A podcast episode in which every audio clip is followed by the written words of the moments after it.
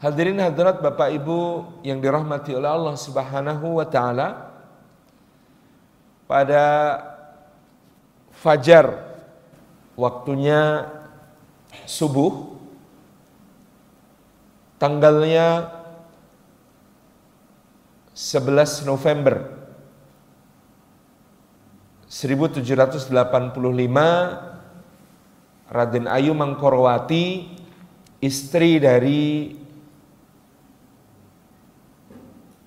Bendoro Raden Mas Surojo bin putra mahkota Yogyakarta ketika itu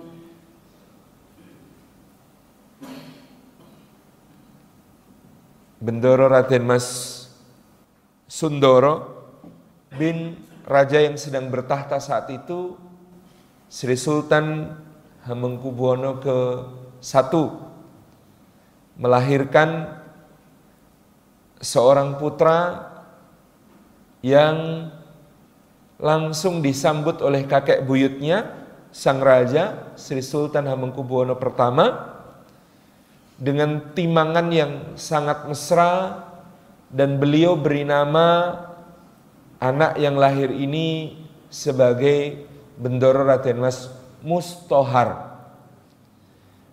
Kata mustohar dalam bahasa Arab artinya orang yang memperjuangkan kesucian.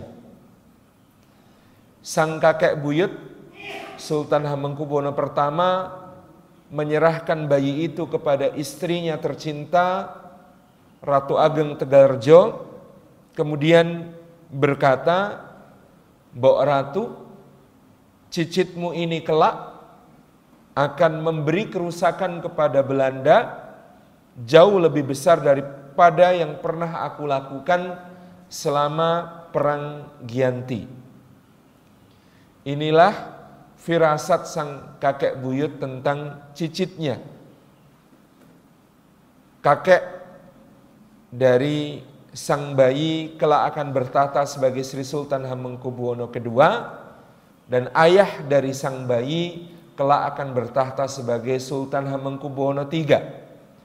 Sehingga Mustahar adalah putra sulung dari Sri Sultan Hamengkubuwono III di Yogyakarta. Mustahar ini ketika dikhitan diganti namanya menjadi Raden Mas Ontowiryo. Ketika menikah diganti namanya menjadi Bendoro Pangeran Haryo Diponegoro Lurah Pangeran. Jadi orang Jawa itu dulu berbagai peristiwa penting dalam hidup ditandai dengan pergantian nama. Karena dulu belum ada KTP dan nomor induk kependudukan. Gitu. Sehingga ganti nama itu biasa dan mudah. Kalau sekarang mau ganti nama harus ke pengadilan. Gitu. Kalau dulu memang setiap peristiwa milestone dalam hidup itu ditandai dengan pergantian nama. Jadi nama lahirnya Mustohar, namanya setelah dikhitan Ontowiryo, namanya sesudah menikah di Ponegoro. Nah, perlu saya ceritakan bagaimana masa kecil dari sang pangeran yang telah diberikan firasat oleh kakek buyutnya kelak akan memberi kerusakan kepada Belanda lebih besar daripada yang dilakukan kakek buyutnya. Adapun kakek buyutnya kita bisa membaca di dalam sejarah sang kakek buyut dulu masih bernama Pangeran Mangkubumi adik dari susunan Pakubono II Raja Mataram mengobarkan perang melawan VOC dari tahun 1746 sampai 1755. 9 tahun lamanya bergerilya dengan wilayah gerilya dari daerah yang sekarang disebut sebagai Antang. Antang itu sekarang disebut Ngantang, Malang, Kabupaten Malang, sampai wilayah yang hari ini disebut sebagai Dayeh Luhur, Banyumas. Itu wilayah gerilya Pangeran Mangkubumi. Dalam pertempuran yang berlangsung selama 9 tahun itu Gubernur Jenderal Baron van Imhoff mati terkepung di benteng Ungaran pada tahun 1751. Kemudian seorang panglima andalannya VOC bernama Mayor de Klerk tewas di pertempuran Sungai Bogowonto. VOC setelah melawan Pangeran Mangkubumi yang luar biasa daya rusaknya terhadap pemerintahan kolonial VOC pada saat itu menuju kepada kebangkrutannya sehingga akhirnya dibubarkan pada 31 Desember 1799. Jadi kalau kita mau membayangkan seperti apa kerusakan yang dibuat oleh kakek buyutnya, inilah Perang Gianti. Perang Gianti berakhir dengan seorang Turki Utsmani bernama Syarif Besar Syekh Ibrahim yang diminta Belanda untuk menjadi juru runding menaklukkan hati Pangeran Mangkubumi supaya mau berdamai. Karena dibujuk dan ditawari gelar sebagai sultan resmi dari Turki Utsmani, maka Pangeran Mangkubumi mau menghentikan perang, memperhatikan pula bahwa rakyat sudah terlalu menderita oleh peperangan. Kemudian ditandatangilah pada 12 Februari 1755 sebuah perjanjian yang disebut sebagai perjanjian Gianti. Perjanjian Gianti ini membagi dua kerajaan Mataram menjadi apa yang hari ini disebut sebagai Kasunanan Surakarta dan Kesultanan Yogyakarta. Dengan Pangeran Mangkubumi menjadi sultan di Yogyakarta dengan wilayah kekuasaan membentang dari Japan, Mojokerto di timur sampai dengan daerah yang disebut sebagai Jabarangkah, wilayah yang hari ini berada di sekitar Pekalongan, Tegal, Brebes. Di ini wilayah yang hari itu disebut sebagai Kesultanan Yogyakarta. Bapak Ibu yang dirahmati Allah, kerusakan yang diramalkan dalam tanda kutip oleh Sri Sultan Hamengkubuwono pertama yang akan ditimbulkan oleh Pangeran Diponegoro kepada Belanda itu terwujud dalam Perang Jawa yang berkobar antara tahun 1820 sampai 1830. Meskipun anak-anak sekolah biasanya bercanda itu perang paling singkat berlangsung sehabis maghrib dari 18.25 sampai 18.35 menit gitu.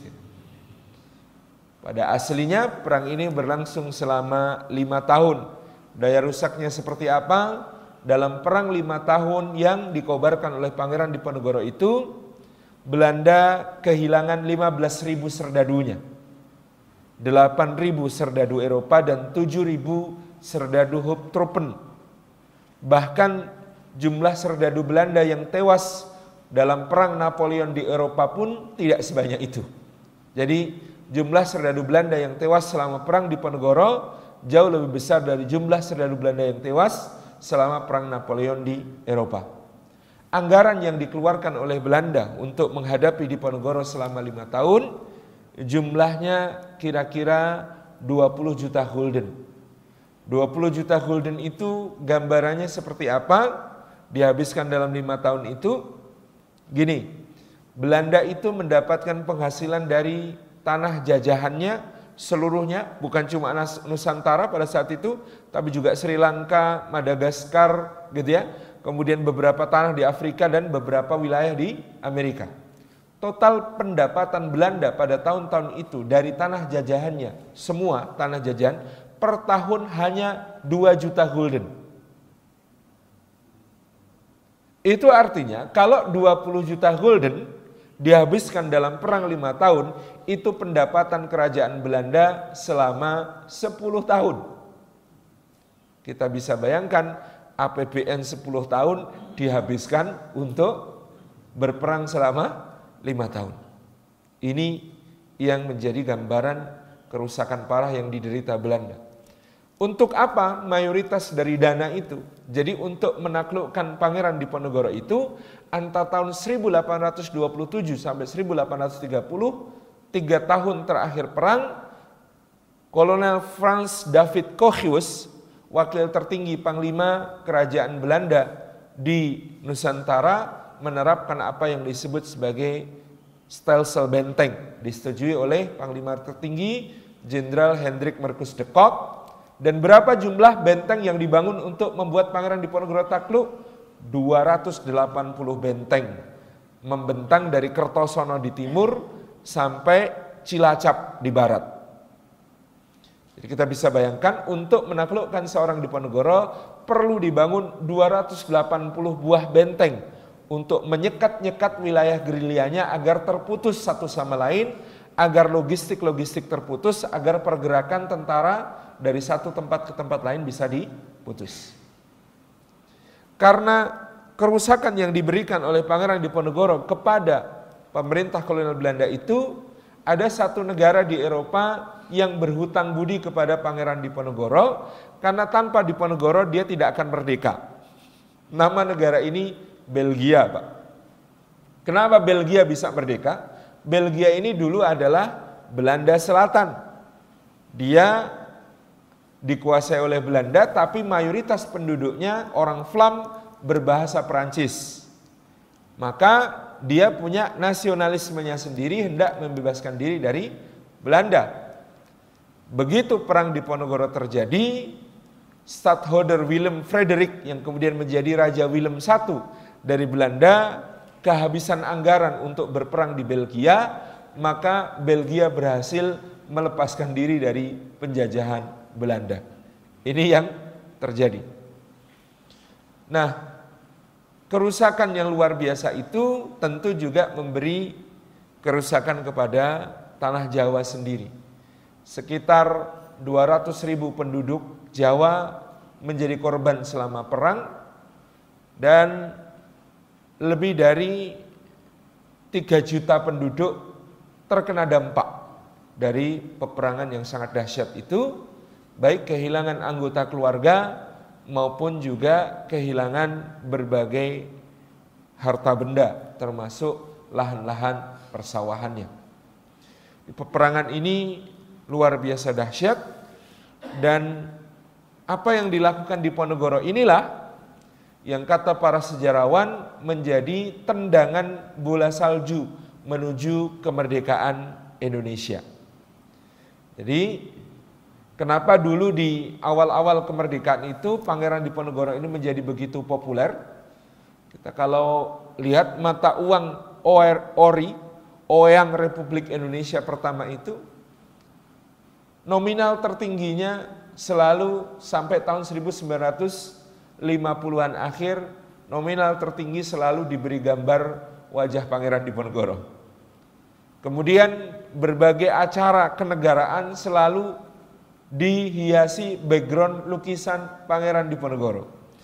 Kemudian acara-acara ormas besar, terutama ormas Islam, dari Nahdlatul Ulama Muhammadiyah maupun yang lainnya itu kalau bikin acara backgroundnya selalu ada gambar wajah Pangeran Diponegoro karena pada masa itu difahami betul Pangeran Diponegoro ini menendang bola salju yang akan membesar menjadi kemerdekaan. Logikanya Pangeran Diponegoro berperang, Belanda bangkrut, karena Belanda bangkrut maka Belanda mengirimkan seorang gubernur jenderal yang jenius namanya Johannes van den Bos yang kemudian akan merumuskan sistem penjajahan baru di Nusantara yang akan jadi dosa jariahnya karena nanti akan diterapkan semua negara penjajah Eropa di berbagai wilayah. Sebelum era Van den Bos, penjajahan itu penjajahan klasik. Penjajahan klasik itu apa yang bisa dirampas, dirampas. Kalau ada emas perak bisa dirampas, dirampas, pelabuhan bisa dirampas, dirampas, hak monopoli bisa dirampas, dirampas gitu ya.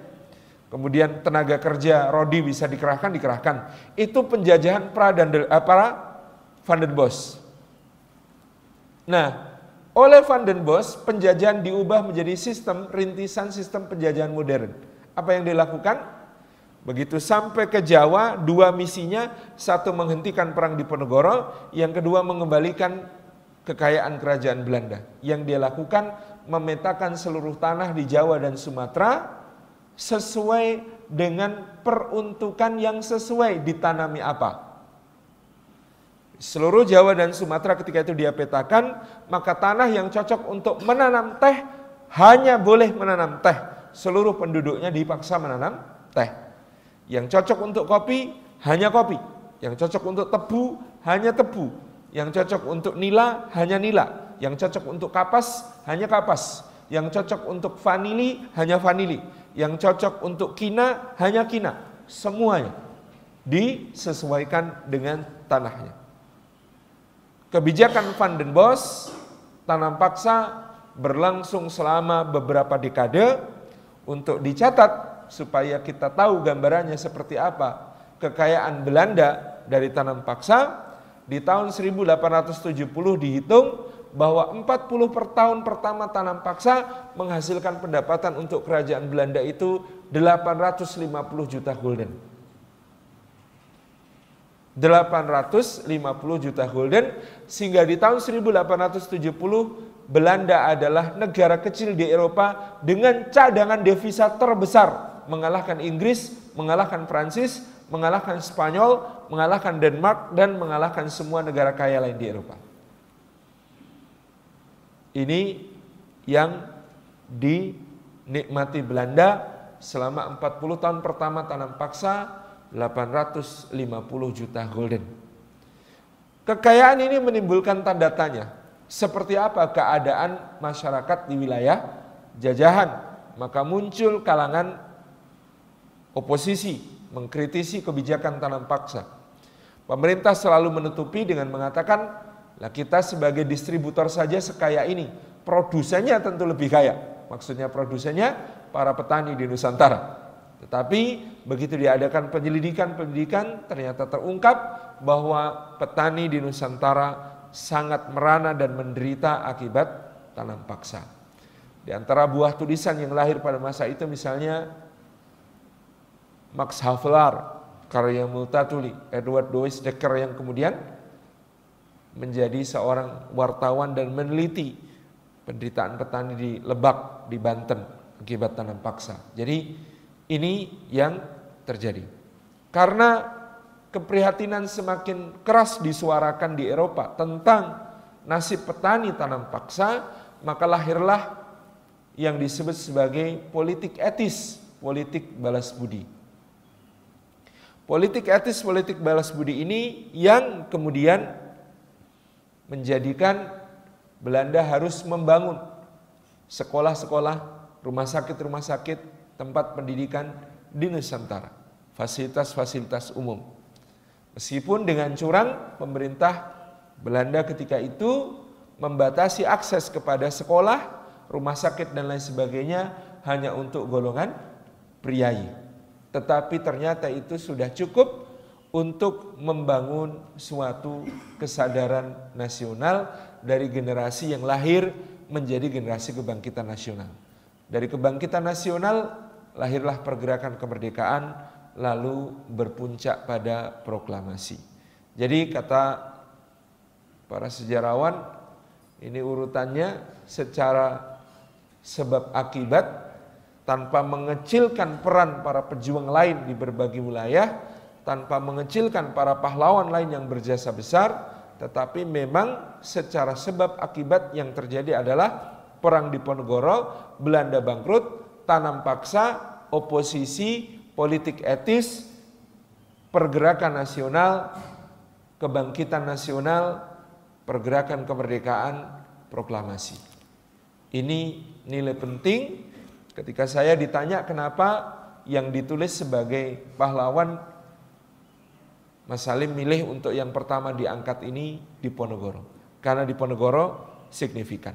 Yang kedua, karena di Ponegoro ini milik seluruh Nusantara. Bukan cuma milik orang Jawa apalagi orang Yogyakarta.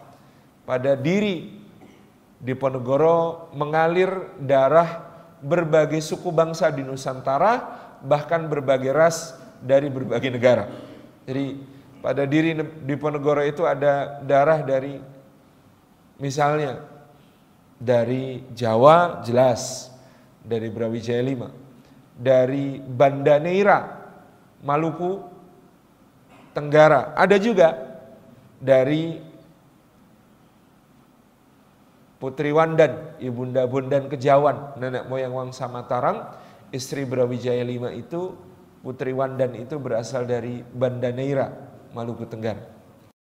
Darah dari Samarkan, Uzbekistan, ada juga. Darah dari Samarkan, Uzbekistan itu melalui Maulana Ishak bin Maulana Ibrahim As-Samarkandi yang menikah dengan putri Belambangan yang putri Belambangan ini berarti dia punya darah Belambangan sekaligus darah Bali karena ibunya berasal dari Bali. Maka di Diponegoro juga ada darah Bali yang kemudian melahirkan Maulana Ainul Yakin Raden Paku yang kemudian disebut sebagai Sunan Giri dan Sunan Giri ini menurunkan cicit keempatnya Nyai Sabinah Nyai Sabinah ini adalah istri dari Ki Ageng Pemanahan, ibunda Panembahan Senopati. Darah dari Mesir ada. Dari Syarif Muhammad, ayahanda Syarif Hidayatullah. Sunan Gunung Jati yang ibundanya, ibunda Sunan Gunung Jati adalah putri dari Pajajaran. yang kemudian Sunan Gunung Jati menurunkan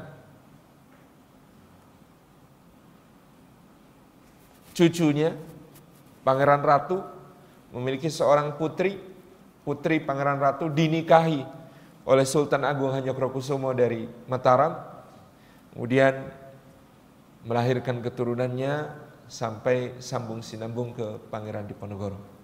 Ada darah Mesir, ada darah Sunda di situ. Kemudian darah dari Hadramaut dengan ibunda dari Sri Sultan Hamengkubuwono pertama itu bernama Mas Ayu Tejawati yang ternyata adalah penjawaan dari nama Arab Nurun Nisa Basyaiban yang kemudian dinikahi oleh Amangkurat IV dan melahirkan Pangeran Mangkubumi. Ada darah Bima dan Goa dari yang tadi sudah kita sebut Ratu Ageng Tegalrejo, Permaisuri Hamengkubuwono pertama adalah cucu dari Sultan Bima Abdul Qahir pertama dari permaisuri yang merupakan putri dari kerajaan Goa Tallo, putri dari Sultan Hasanuddin dari Goa Tallo. Jadi pada diri Diponegoro juga ada darah Bugis dan Makassar. Kemudian dari neneknya Ratu Kedaton, Permaisuri Hamengkubuwono II, ada darah Madura di situ. Kemudian yang lain-lain lagi. Tentu ini bisa dirunut ada darah Palembang, ada darah Banjar, ada darah Aceh dan lain sebagainya pada diri seorang Diponegoro yang ini adalah menjadikan beliau bukan hanya milik orang Jawa tapi milik seluruh Nusantara. Kenapa saya mengangkat itu. Jadi Ratu Ageng Tegarjo ini yang merawat di Ponegoro sejak kecil di Puri yang disebut sebagai Puri Tegarjo yang terletak di sebelah barat laut Keraton Yogyakarta. Sekarang tinggal sisa-sisa dari yang disebut sebagai Puri Tegarjo yang pada zamannya ini untuk Bapak Ibu mendapatkan gambaran apa yang ditinggalkan Pangeran Diponegoro untuk pergi berjuang di jalan Allah, beliau meninggalkan sebuah puri yang memiliki 700 pelayan.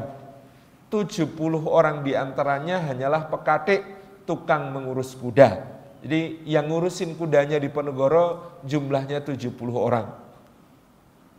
Kalau begitu kudanya berapa? Banyak.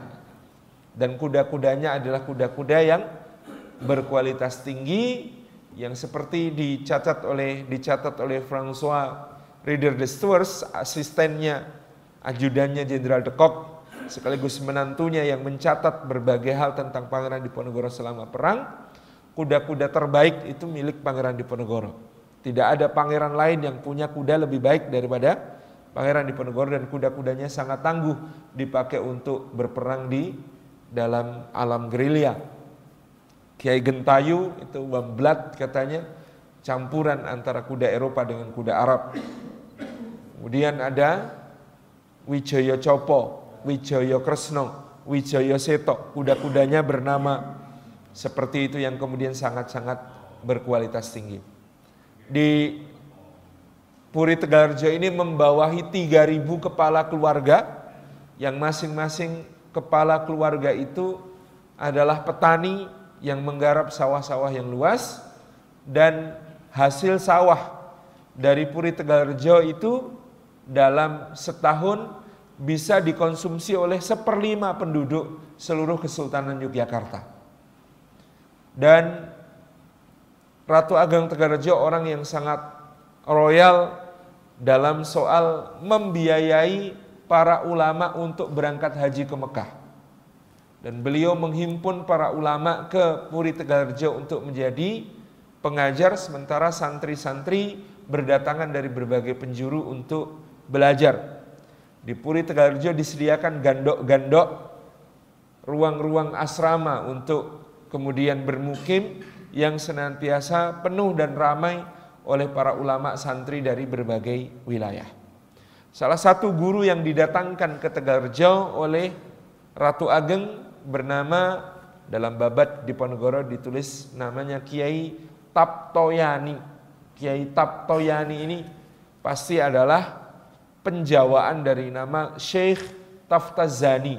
Dikatakan Kiai Taptoyani atau Syekh Taftazani ini berasal dari Minangkabau, sempat mengajar di Perdikan Melangi, sebuah pesantren besar yang didirikan oleh saudara kandung Sri Sultan Hamengkubuwono pertama di wilayah Melangi yang ada di Yogyakarta bagian barat laut sekarang. Jadi sebuah gambaran betapa hidupnya Tegarrejo oleh aktivitas pertanian maupun aktivitas para santri. Ini tempat tumbuhnya Pangeran Diponegoro. Bagaimana kehidupan literasi Pangeran Diponegoro di Puri Tegalrejo kita bisa melihat ini sebagai seluruh gambaran betapa kuatnya literasi di Keraton Yogyakarta pada masa itu. Jadi Bapak Ibu yang dirahmati Allah, pada tahun 1812 Sri Sultan Hamengkubuwono II agak gegabah dan beliau terprovokasi untuk berperang melawan Inggris sehingga Letnan Gubernur Jenderal Thomas Stamford Raffles mengerahkan batalion ke-40 Buckinghamshire yang berkekuatan 40 ribu personil untuk mengepung Keraton Yogyakarta, kemudian membombardir Keraton Yogyakarta selama kurang lebih dua pekan. Maka hancurlah Keraton Yogyakarta, bagian dinding Baluarti Utara, Timur, dan Barat nyaris runtuh semuanya, hanya tersisa dinding baluarti wilayah selatan. Kalau Bapak Ibu pergi ke Jogja sekarang mungkin kenal satu tempat yang disebut sebagai pojok beteng. Jokteng itu pojok beteng. Tinggal kita melihat sebuah sudut yang diperlengkapi dengan bastion, itu sudut-sudut benteng Baluarti Keraton Yogyakarta yang dalam babat diceritakan tinggi bentengnya itu tiga setengah meter, tebal bagian atas bisa dilewati kereta, kemudian dia dikelilingi oleh jagang, parit pertahanan selebar kira-kira 3 meter dalam dua setengah meter. Jadi Keraton Yogyakarta itu dulunya seperti kastil, gambaran kita tentang kastil Eropa yang dilindungi oleh parit pertahanan dan bentengnya tinggi. Ini yang kemudian terlihat sebelum tahun 1812 ketika kemudian Panglima tentara kerajaan Inggris Kolonel Robert Rollo Gillespie memimpin penyerbuan ke Keraton Yogyakarta dan kemudian menghancurkan hampir seluruh bagian keraton pada saat itu. Setelah itu pada bulan Juli, awal Juli 1812 terjadi penjarahan besar-besaran oleh para tentara Inggris ke keraton Yogyakarta. Emas dan perak yang diangkut dari keraton Yogyakarta pada masa itu konon berpeti-peti dan diperkirakan jumlahnya kalau diuangkan sekarang sekitar 56 miliar pound sterling. Kalau 56 miliar rupiah itu ya banyak, tapi 56 miliar pound sterling berarti kalikan 18 ribu. Gitu. Dan itu belum terhitung perhiasan-perhiasan, benda-benda pusaka dan yang lebih paling membuat miris adalah naskah, buku-buku yang kemudian diangkut oleh Raffles dan residennya John Crawford ke Eropa. Pada tahun 2019 kemarin dipublish bahwa di British Library di British Library tersimpan 7000 kitab, 7000 buku dari Keraton Yogyakarta. 7.000 naskah. Itu yang masuk secara resmi ke British Library.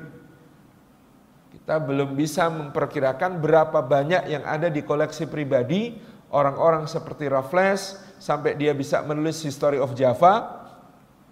Orang-orang seperti John Crawford sampai dia bisa menulis History of Java versinya sendiri yang tiga kali lebih tebal daripada bukunya Raffles dan lain sebagainya. Dan dari 7000 naskah itu, Bapak Ibu dan rahmati Allah, Keraton Yogyakarta itu di penjarahan Raffles itu konon hanya disisakan yang tampak dua naskah yang disisakan di Keraton Yogyakarta. Yang satu namanya Kanjeng Kiai Al-Quran, tulisan tangan Al-Quran dari masa Sri Sultan Hamengkubuwono pertama. Yang kedua adalah serat Kanjeng Kiai Suryo Rojo yang berisi nasihat-nasihat untuk menjadi raja. Cuma dua itu yang tersisa. Maka pada tahun 1815 nasib keraton Yogyakarta itu sama dengan nasib Baghdad di tahun 1258 saat diserbu oleh Mongol. Di tahun 1258 sungai Tigris yang mengalir membelah atau mengelilingi kota Baghdad itu berwarna airnya berwarna merah kehitaman. Merahnya dari penduduk Baghdad yang disembelih, hitamnya dari air tinta-tinta yang luntur karena semua kitab perpustakaan Baghdad pada zaman itu koleksinya konon 120 ribu jilid buku. Kemudian dibuang ke sungai Tigris dan semuanya hilang. Jadi sejak tahun 1258 itu Daulah Abbasiyah naungan untuk seluruh dunia Islam kehilangan referensi peradabannya. Sama dengan apa yang terjadi di Yogyakarta di tahun 1812, Keraton Yogyakarta juga kehilangan referensi peradabannya. Kalau sebuah entitas kehilangan referensi peradaban, ya sesudah itu dia hanya akan tunduk pada yang lebih kuat yaitu penjajahnya tentang segala hal terkait ideologi, politik, ekonomi, sosial, budaya, dan kesenian.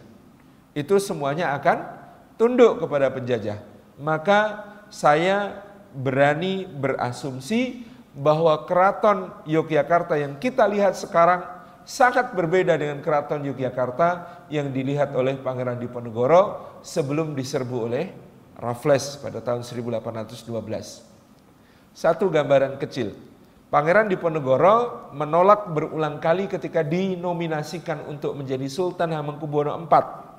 Baik oleh ayahnya maupun oleh residen John Crawford. Dia justru menunjuk adiknya Raden Mas Ambiah yang kemudian disebut Raden Mas Ibnu Jarot dan naik tahta sebagai Sultan Hamengkubuwono IV. Diponegoro yang mengawasi pendidikan untuk Sultan muda ini naik tahta usia 10 tahun, meninggal usia 18 tahun, Hamengkubuwono IV ini. Dan dia yang mempersiapkan pendidikannya di Ponegoro. Bapak Ibu tahu apa yang harus dibaca oleh seorang calon sultan? Satu kitab Tufah, dua Fathul Mu'in, tiga Fathul Wahab. Yang keempat Sulalatus Salatin, yang kelima Tajus Salatin. Itu kurikulum wajib yang harus dia baca. Seorang sultan pada zaman itu ternyata wajib bisa berbahasa Melayu dan wajib bisa berbahasa Arab. selain berbahasa Jawa. Ini yang disiapkan oleh Diponegoro sebagai pendidikan untuk adiknya calon Sultan Hamengkubuwono IV. Jadi kita membayangkan betapa jauh bergesernya segala hal tentang keraton itu dengan apa yang dilakukan oleh Raffles berupa penjarahan tahun 1812. Nah, tahun 2019 kemarin Bapak Ibu untuk memberi gambaran seperti apa literasi di Keraton Yogyakarta, itu pemerintah Inggris mengembalikan 70 dari 7.000 naskah British Library dari Keraton Yogyakarta. 70 dari 7.000 berapa persen? Satu. Satu persen dikembalikan. Tetapi itu pun dikembalikan bukan barang fisiknya, tetapi file scan digitalnya. Jadi naskah ini 70 dari 7.000 yang dirampas dikembalikan dalam bentuk digital file. Nah dari 70 naskah yang digembalikan itu, salah satu yang paling menarik bagi saya adalah sebuah buku berjilid kulit berhias sangat indah, halaman-halamannya dihiasi dengan kaligrafi dan gitu ya, berbagai ornamen yang sangat detail, bertuliskan huruf Arab Pegon, huruf Arab Pegon itu tulisannya Arab dibacanya Jawa. Maka ada huruf-huruf tambahan. Misalnya huruf Ain titiknya tiga itu dibaca Eng. Huruf Jim titiknya tiga dibaca Co. Huruf Fa titiknya tiga dibaca Po. P. Jadi ada P, ada C, ada Eng gitu ya. Itu itu ada di dalam huruf yang disebut sebagai pegon. Huruf itulah yang paling marak digunakan di keraton setelah huruf Jawa pada masa itu terutama untuk menuliskan naskah-naskah yang terkait dengan keagamaan. Karena itulah sampai sekarang yang melestarikannya adalah negara jiran kita, negara Malaysia, dan mereka menyebut huruf seperti itu sebagai huruf Jawi. Karena memang asalnya dari Jawa, itu makanya disebut sebagai huruf Jawi. Nah, Buku ini Serat Menak Amir Ambiah judulnya. Riwayat perjuangan Sayyidina Hamzah bin Abdul Muthalib. Tebalnya 3040 halaman. 3040 halaman. Di halaman persembahan sang pujangga keraton menuliskan buku ini dipersembahkan untuk Ratu Ageng Tegarjo. Nenek buyut yang mengasuh Pangeran Diponegoro.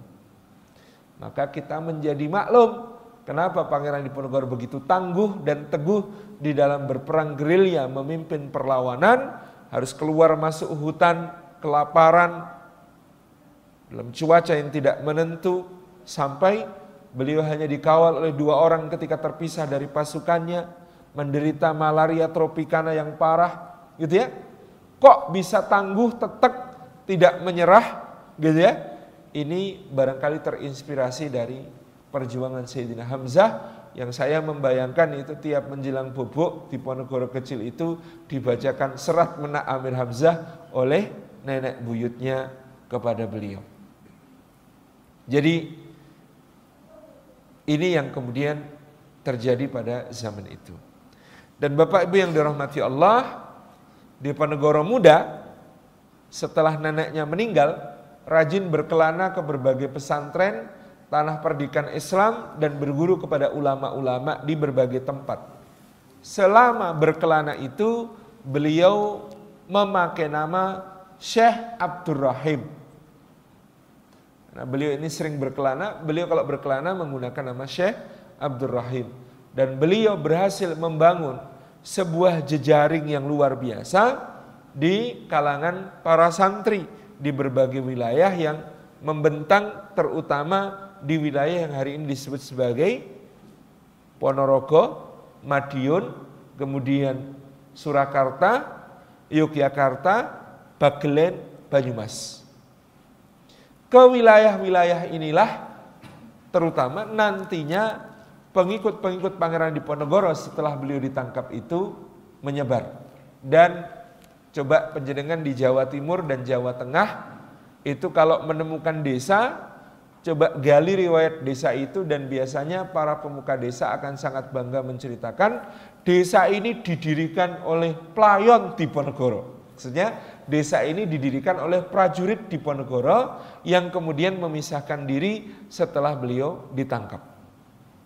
Itu kebanggaan bagi banyak desa di seluruh Jawa Tengah dan Jawa Timur itu bangga sekali kalau disebut bahwa desanya dulu didirikan oleh seorang prajurit dari pasukan Pangeran Diponegoro. Klaim seperti ini gampang ngeceknya.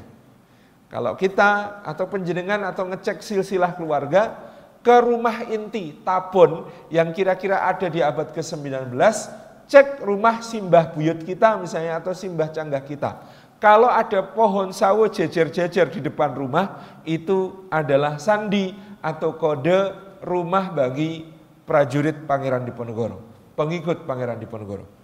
Karena begitu Pangeran Diponegoro ditangkap Belanda di Magelang pada bulan Maret 1830, maka seluruh anak buahnya yang menyebar diberitahu untuk menanam pohon sawo di depan tempat tinggal mereka sebagai sandi antar mereka bahwa sebagian bahkan percaya Pangeran Diponegoro sedang berangkat naik haji ke Mekah dan nanti akan pulang kembali ke Jawa untuk melanjutkan jihad fisabilillah. Jadi selama nunggu Pangeran Diponegoro itu tanamlah sawo karena sawo itu adalah kode untuk kata sawu suhu vakum. Sawo itu sawu suhu vakum. Maka coba di pesantren-pesantren tua, masjid-masjid tua itu hampir selalu didirikan atau ditanam pohon sawo di halamannya. Rumah-rumah para pemuka sepuh ada pohon sawo di hadapannya. Itu adalah sebuah kode. Gitu ya. Kalau Duriah Pangeran Diponegoro ditandai rumahnya dengan pohon kemuning. Memang pohon kemuning ini pohon kesayangan Pangeran Diponegoro sejak dulu beliau suka sekali duduk di bawah pohon kemuning karena pohon kemuning ini kalau sedang berbunga bunganya harum semerbak kemudian dia biasanya gugur sedikit demi sedikit. Kalau kita duduk di bawahnya itu rambut kita itu biasanya banyak bunga kemuning yang gugur dari atas itu nempel. Itu harumnya Masya Allah. Jadi itu kesukaan beliau dan kemudian ini yang ditebarkan. Jadi kalau sudah ada pohon sawunya plus di situ kok ada pohon kemuningnya gitu ya. Nah, tinggal periksa silsilah. Jangan-jangan keluarga itu adalah keturunan dari salah satu putra Pangeran Diponegoro. Itu yang kemudian selama ini menjadi patokan dari Kang Mas Roni Sodewo, Ketua Paguyuban Trah Pangeran Diponegoro untuk melacak silsilah. Karena keturunan Pangeran Diponegoro ini banyak yang setelah beliau ditangkap tentu menyembunyikan identitas tidak mau terungkap identitasnya sehingga memang agak repot untuk mencari silsilah mereka. Tapi alhamdulillah sampai saat ini bisa dilacak Mas Roni sudah menyusun galur yang kira-kira beranggota ya, 4.000 orang yang menjadi anggota Paguyuban Terah Pangeran Diponegoro. Beliau memperkirakan jumlah total itu lebih dari 10.000 jelas gitu. Ya, ternyata seorang di abad ke-19 itu kalau sekarang gandeng ceneng itu sudah puluhan ribu orang. Sekarang rata-rata keturunan ketujuh dan kedelapan kalau seusia-seusia kita ini ya, dengan masa beliau tujuh atau delapan generasi yang terpaut. Dan ini yang kemudian apa namanya eh, menjadi kode tadi ya pohon kemuning. Nah, perang di Ponegoro ini yang membantah teori kategorisasi masyarakat Jawa oleh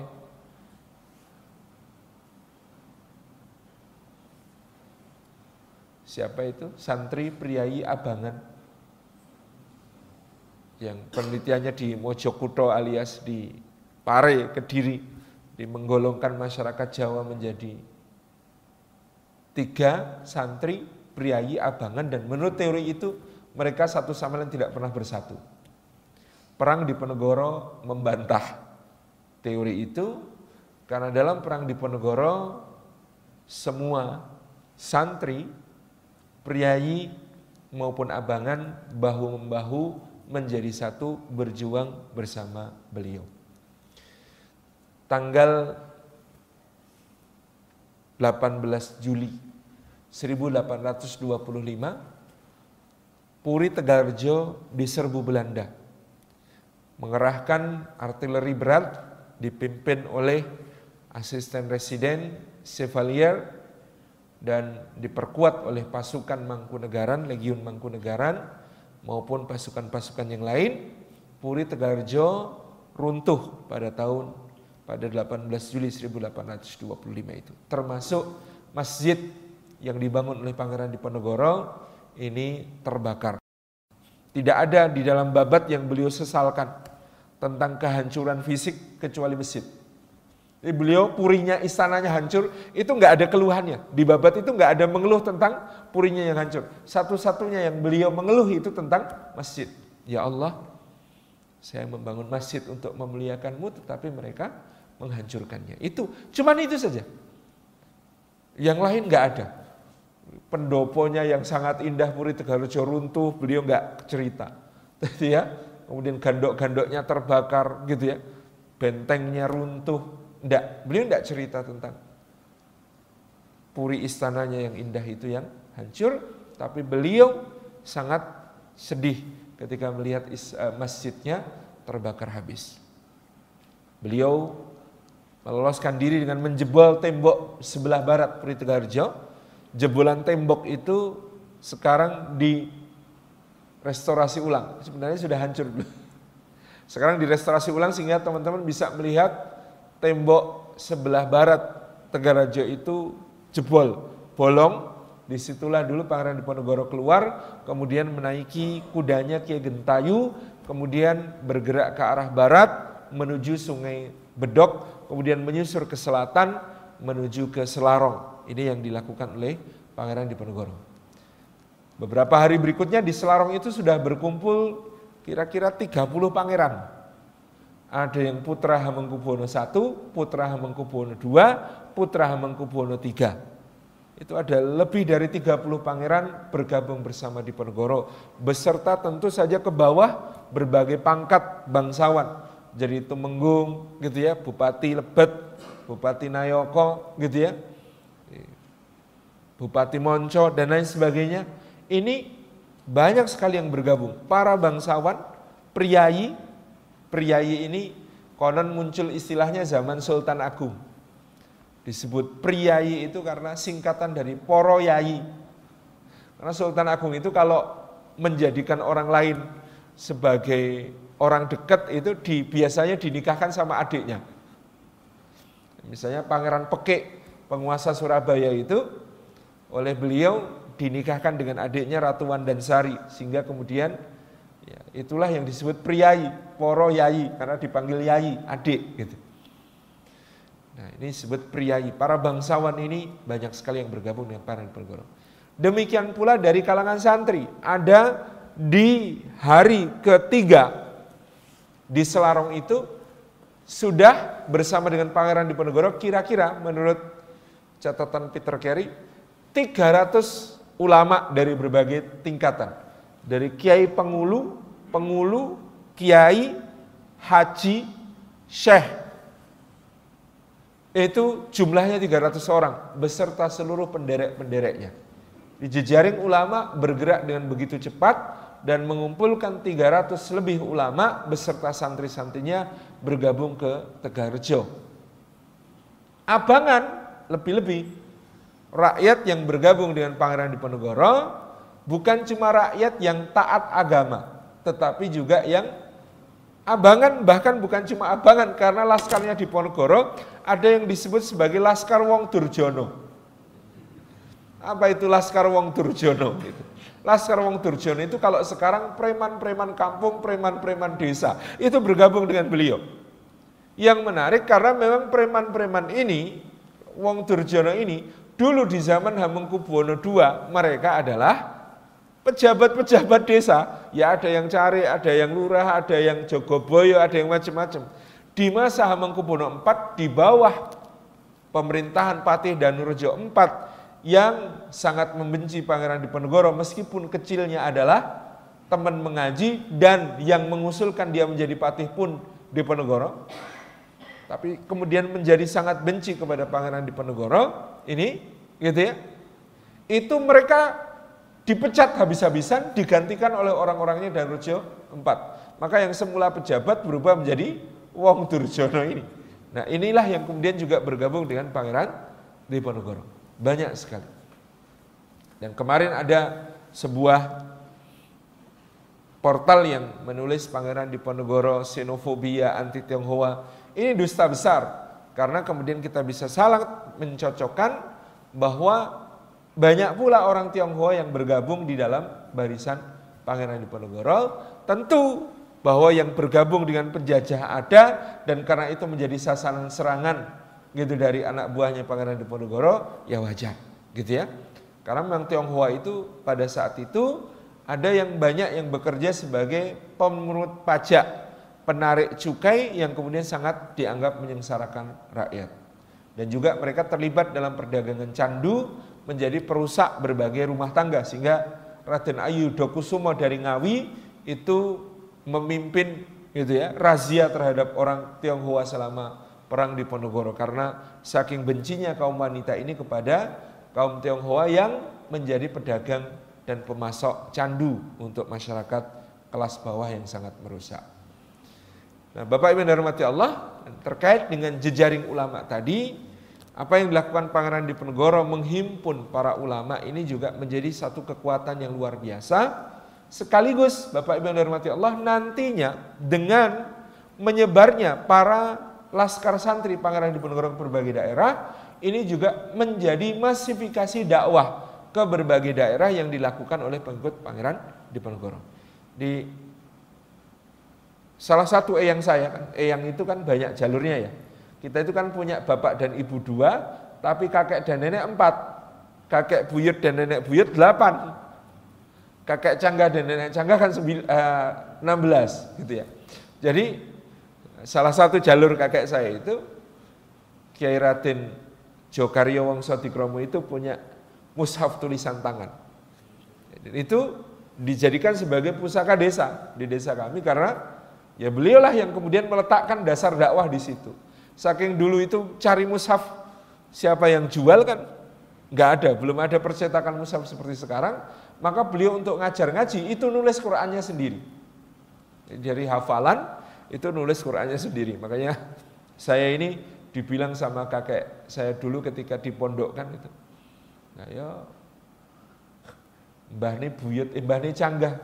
Dulu juga kiai masuk ndak ada yang jadi kiai. Wes, kowe mangkat mondok sana gitu.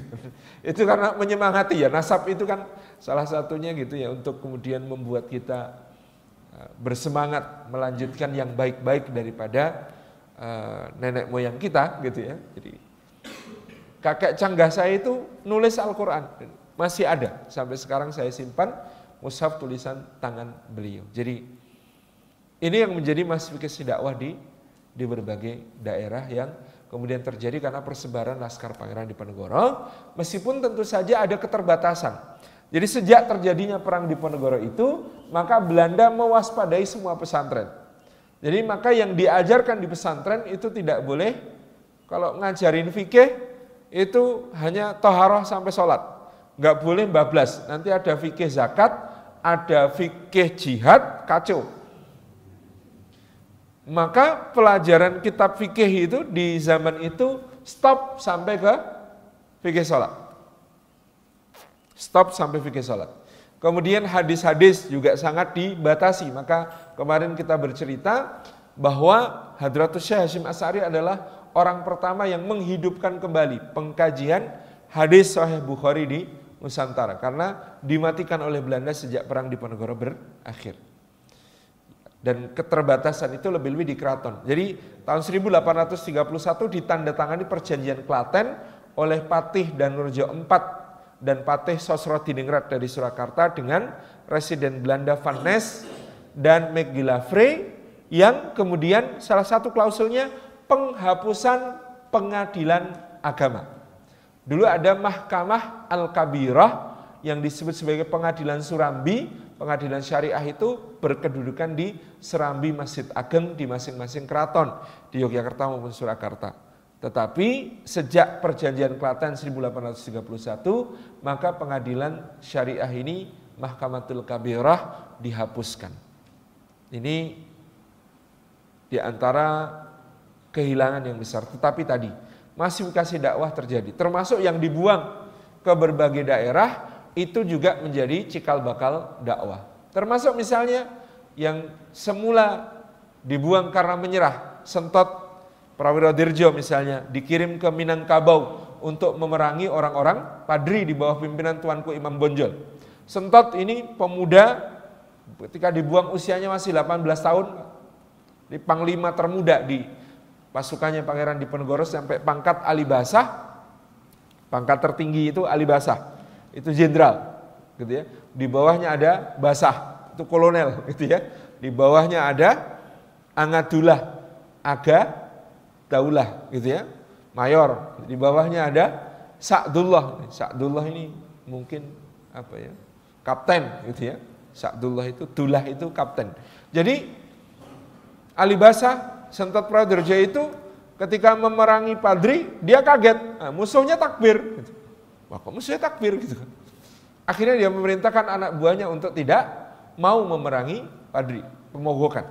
Akhirnya oleh Belanda dia dibuang ke Bengkulu dan Bengkulu menjadi tempat dakwahnya Sentot Alibasa Prawodirjo sampai meninggal. Saya ketemu keturunannya Sentot Alibasa Prawodirjo ini salah satu cirinya orangnya tinggi-tinggi. Jadi dari banyak teman yang saya kenal sebagai keturunannya Sentot Prawodirjo itu rata-rata tingginya di atas 180. Ada yang sedang di London, di Inggris, ada teman yang jadi dosen UI gitu ya. Itu semuanya tinggi-tinggi. Itu turunannya Sentot. Kalau keturunannya Pak di Ponegoro itu sangat bervariasi. Dari yang paling tinggi sampai yang paling pendek-pendek. Ya, Mas Roni itu kan Sampai pada diguyoni kalau Pangeran Diponegoro itu ukurannya sak Mas Roni, itu memang sulit ditangkap. Kenapa? Bersembunyi di balik pohon cemara aja nggak kelihatan gitu. Karena saking kecilnya. nah ini uh, bervariasi kalau keturunan beliau. Meskipun saya kok menduga beliau itu tinggi besar.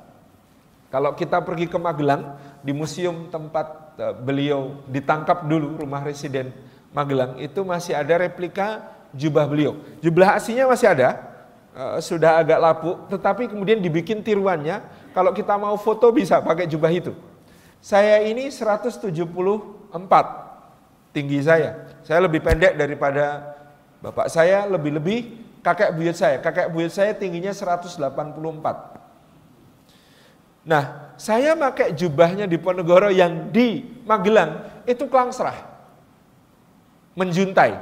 Padahal gitu ya, seperti diceritakan Kolonel Clearance di Ponegoro itu jubahnya hanya sampai pertengahan betis. Berarti dur gitu. Dan itu menjadi terjelaskan ketika kita ke Makassar, lihat makam beliau, nisannya seberapa? 2 meter Pak. Panjang nisannya itu luar biasa, gede gitu ya. Itu yang yang kemudian kita lihat pada diri Pangeran Diponegoro. Jadi yang dibuang ke Tondano namanya Kiai Mojo dan saudara-saudaranya. Itu melahirkan komunitas dakwah di Sulawesi yang disebut sebagai Jawa Tondano, Jaton. Orang Jaton intinya terdiri dari empat marga. Karena dulu Kiai Mojo itu dibuang bersama 83 pengikut atau 63 pengikut. Ada beda catatan di situ. Nah, masing-masing nanti menurunkan marga-marganya sendiri, tapi marga intinya empat. Marga Mojo itu diturunkan oleh Kiai Ghazali bin Kiai Mojo, anak beliau. Itu nanti pakai marga namanya Mojo. Sampai sekarang masih pakai marga Mojo. Salah satu yang terkenal keturunannya Kiai Mojo dan wajahnya mirip itu namanya Ahdiat Duta Mojo alias Duta Seila on Seven. Mas Duta itu keturunannya Kiai Mojo yang ketujuh dari wajah itu mirip dengan lukisan Kiai Mojo dan beliau sangat bangga sehingga akun medsosnya itu diberi nama Pak Mojo gitu ya. Pak Mojo. Karena ini keturunan Kiai Mojo. Kemudian ada marga Badran dari Kiai Badran. Kiai Badran itu kakak Kiai Mojo. Ayahnya Kiai Mojo juga namanya Kiai Badran Sepuh. Nah, marganya turun namanya marga Badran. Kemudian ada marga Pulu Kadang. Karena ada kakaknya Kiai Mojo namanya Kiai Pulu Kadang. Pulu Kadang itu nama desa. Badran juga nama desa, Mojo itu juga nama desa. Kan dulu orang menyebut itu bukan nama asli tapi nama kiainya berkedudukan di mana, gitu ya. Kiai Badran, Kiai Bulu Kadang. Satu lagi, ini marganya agak ke Belanda-Belandaan tapi sebenarnya marga Islami. Sekarang dibaca marganya marga Zis. Padahal aslinya itu namanya dulu Sis bin Kasan Besari. Sis itu seperti nama putranya Nabi Adam alaihissalam itu nama Arab. Sis bin Kasan Besari tapi karena salah tulis pakai Z gitu ya sampai sekarang dibacanya marga Zis gitu. Padahal itu aslinya marga Sis bin Kiai Kasan Besari adiknya Kiai Mojo. Jadi ke mana pun para ulama ini menyebar mereka membawa dakwah. Dan inilah salah satu yang menjadi apa namanya kekuatan para termasuk putra-putra beliau. Eh, putra beliau yang bernama Pangeran Diponegoro Anom dibuang ke Sumeneb, kemudian punya putra di situ diberi nama Diponegoro II, sehingga teman-teman di Sumeneb yakin Pangeran Diponegoro itu tidak ditangkap. Orang sakti tidak bisa ditangkap, gitu ya. Makanya di Sumeneb itu ada makamnya Diponegoro, tapi ternyata setelah kita telisik di keluarga itu adalah Pangeran Diponegoro II bin Diponegoro Anom bin Pangeran Diponegoro, cucu Nah, Pangeran Diponegoro II kemudian dibuang juga ke Ambon. Di Ambon kemudian eh, putrinya itu menikah dengan dua marga Arab. Di putri-putrinya Pangeran Diponegoro Anom alias di sana dikenal sebagai Pangeran Abdul Majid itu menikah dengan marga Assegaf dan marga Al-Jufri. Jadi sekarang di keluarga Trah Pangeran Diponegoro itu ada yang habaib karena marganya Al-Jufri dan Assegaf. Itulah kenapa kalau di Solo ada sekolah Islam di Ponegoro, itu sekolahnya Habib-Habib. gitu ya. Karena ini kaitannya dengan keluarga besar. Jadi banyak tempat mereka menebarkan berbagai risalah dan dakwah dan inilah salah satu peran luar biasa dari Pangeran Diponegoro. Uh, terima kasih saya kira itu yang kita sampaikan kajian pada pagi hari ini. Saya kembalikan kepada imam kita, pembawa acara kita. Assalamualaikum warahmatullahi wabarakatuh.